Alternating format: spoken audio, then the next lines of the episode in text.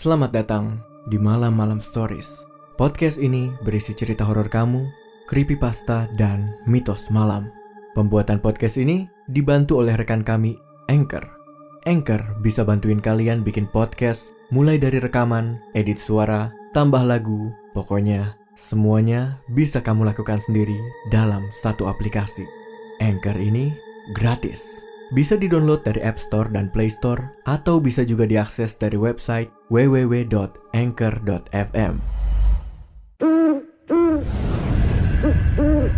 Malam-malam story.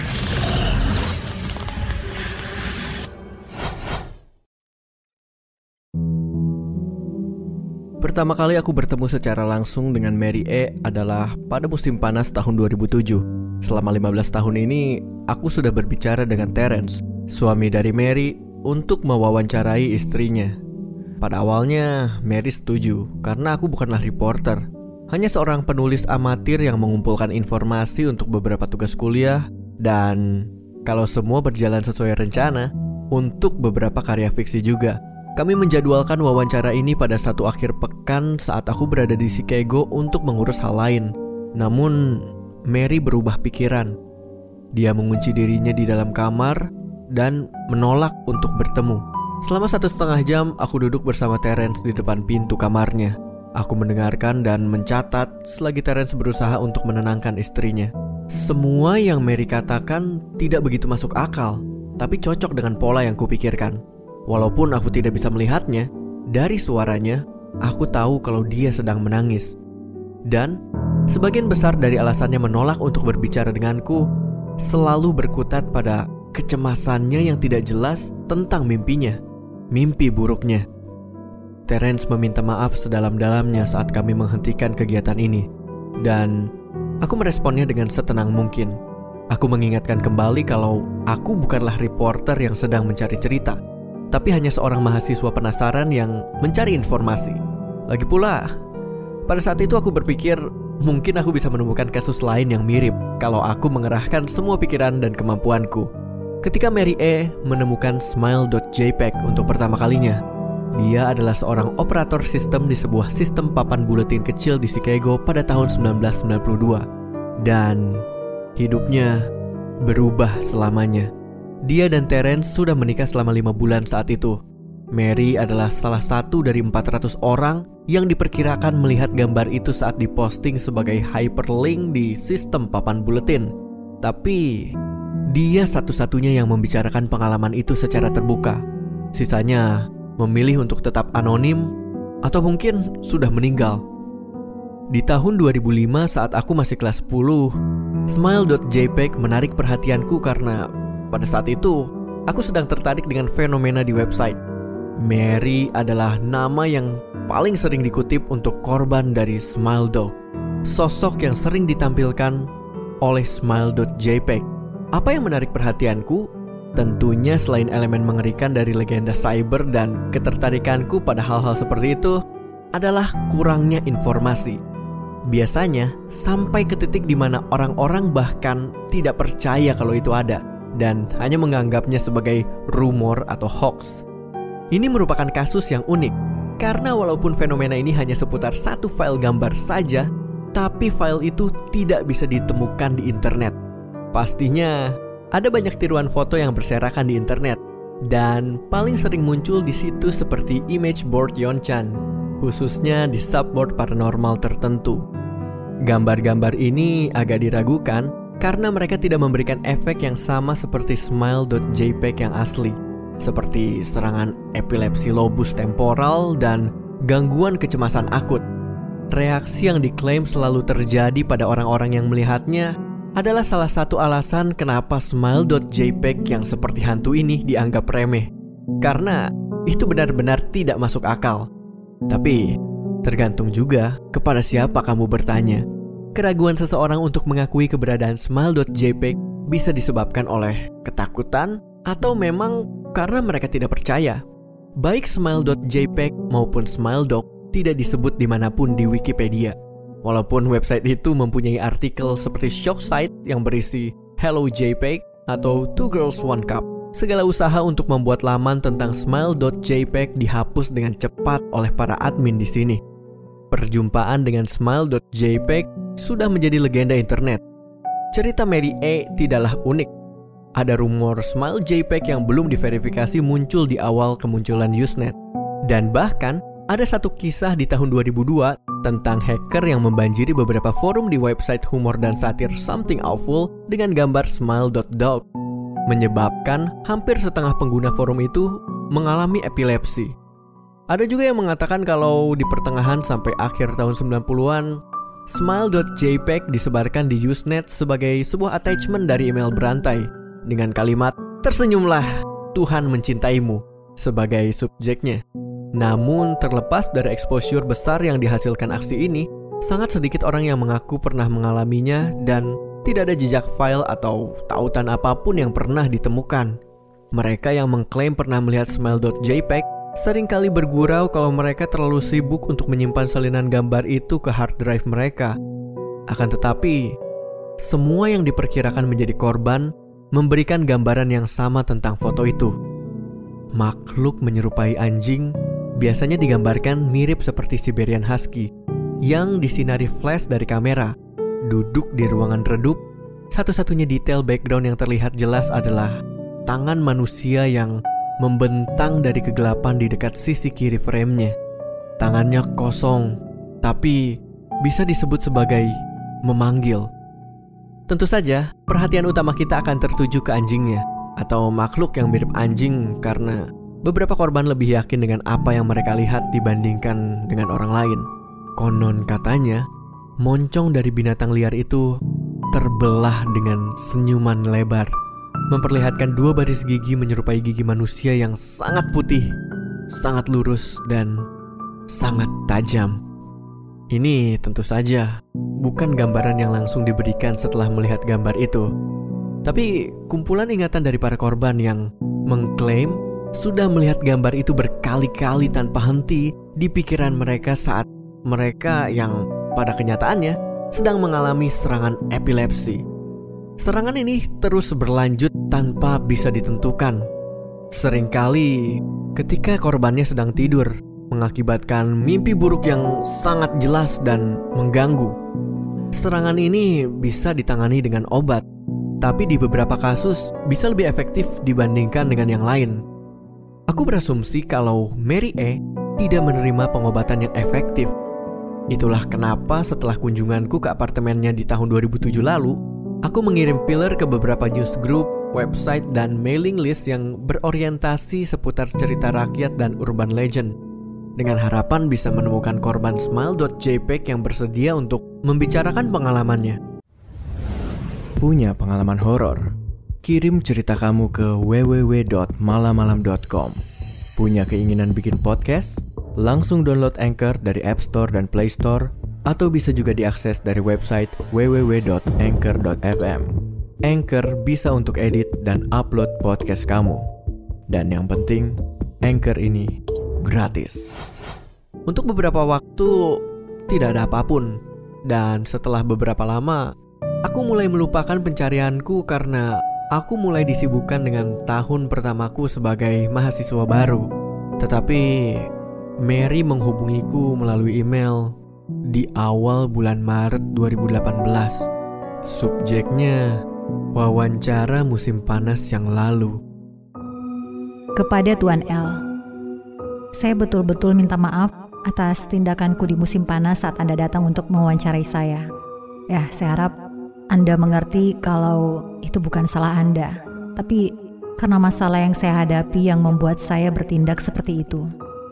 Saya menyadari kalau saya seharusnya bisa menangani situasi itu dengan lebih sopan.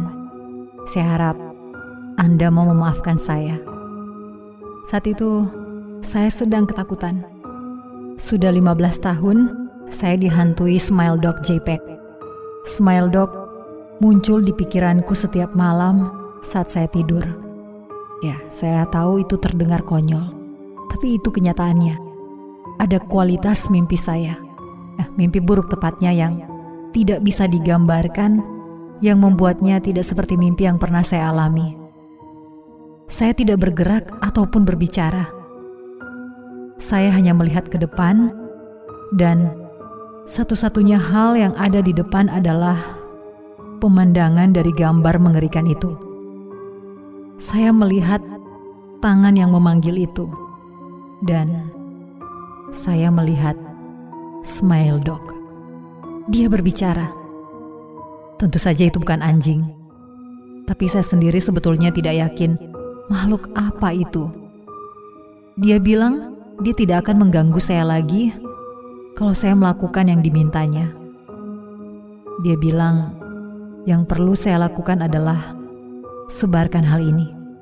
Begitulah gambaran dia tentang tuntutannya. Dan saya tahu persis artinya. Dia mau saya memperlihatkan ini ke orang lain.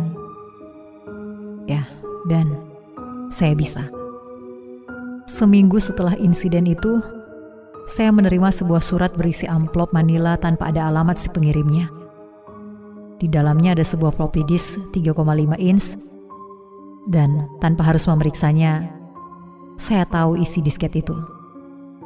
Saya merenung cukup lama tentang opsi yang saya punya saya bisa memperlihatkannya ke orang asing, teman kerja, bahkan saya bisa memperlihatkannya ke Terence walaupun saya tidak menyukai ide itu. Lalu apa yang akan terjadi? Kalau Smile Dog menepati janjinya, berarti saya bisa tidur. Tapi kalau dia bohong, apa yang akan saya lakukan? Dan siapa yang bisa menjamin kalau sesuatu yang lebih buruk tidak akan terjadi setelah saya melakukan apa yang dia minta? Jadi, saya tidak melakukan apa pun selama 15 tahun. Meski begitu, saya masih menyimpan disket itu tersembunyi di antara barang-barang saya. Setiap malam selama 15 tahun, Smile Dog datang ke dalam mimpi saya dan meminta saya untuk menyebarkan file itu. Selama 15 tahun saya berusaha tetap tegar. Ya, walaupun ada beberapa kali datang masa-masa yang sulit. Banyak teman-teman sesama korban di sistem papan buletin di mana saya pertama kali bertemu Smile.jpg berhenti memposting. Saya dengar beberapa dari mereka bunuh diri. Yang lain memilih untuk tetap diam, menghilang dari dunia maya. Mereka ini yang paling saya khawatirkan. Saya betul-betul berharap Anda mau memaafkan saya Tuan L. Tapi Musim panas tahun lalu saat Anda menghubungi saya dan suami tentang wawancara, tingkat stres yang sedang saya alami cukup tinggi. Tadinya saya memutuskan untuk memberikan floppy disk ini pada Anda. Saya tidak peduli apakah Smile Dog berbohong atau tidak. Saya hanya ingin semua ini berakhir. Anda adalah orang asing. Saya tidak punya hubungan apa pun dengan Anda. Dan saya pikir saya tidak akan menyesal kalau Anda mengambil disket ini sebagai bagian dari penelitian dan mengunci takdir hidup Anda. Sebelum Anda tiba, saya menyadari apa yang saya lakukan. Saya sedang berencana menghancurkan hidup Anda. Saya tidak percaya saya bisa berpikir seperti itu. Bahkan sampai sekarang, saya malu Tuan L. Dan saya harap peringatan ini akan menghalangi Anda dalam investigasi terhadap smile.jpg ke depannya. Suatu hari nanti, Anda bisa bertemu dengan seseorang yang, kalau bukan lebih lemah, mungkin lebih jahat. Seseorang yang tidak akan ragu untuk mengikuti perintah Smile Dog. Berhentilah selagi Anda masih waras. Dengan tulus, Mary. Terence menghubungiku di bulan yang sama dengan berita kalau istrinya bunuh diri. Ketika dia membereskan barang-barang yang ditinggalkan istrinya, menutup akun email dan lainnya, dia menemukan pesan tadi. Dia adalah pria yang sedang dalam keadaan kacau. Dia menangis sembari memberitahuku untuk mendengarkan nasihat istrinya. Dia menemukan disket itu dan membakarnya sampai itu berubah menjadi tumpukan plastik hitam dengan bau menyengat. Hal yang paling mengganggunya adalah bagaimana disket itu mendesis ketika itu mulai meleleh. Seperti semacam binatang. Harus kuakui aku cukup bingung bagaimana aku merespon hal ini. Awalnya aku kira ini adalah sebuah lelucon karena mereka sempat bermain-main dengan situasinya untuk membuatku kesal. Setelah memeriksa beberapa berita kematian di beberapa koran Chicago, Mary E ternyata benar-benar meninggal. Tentu saja tidak ada satupun koran yang menyinggung masalah bunuh dirinya.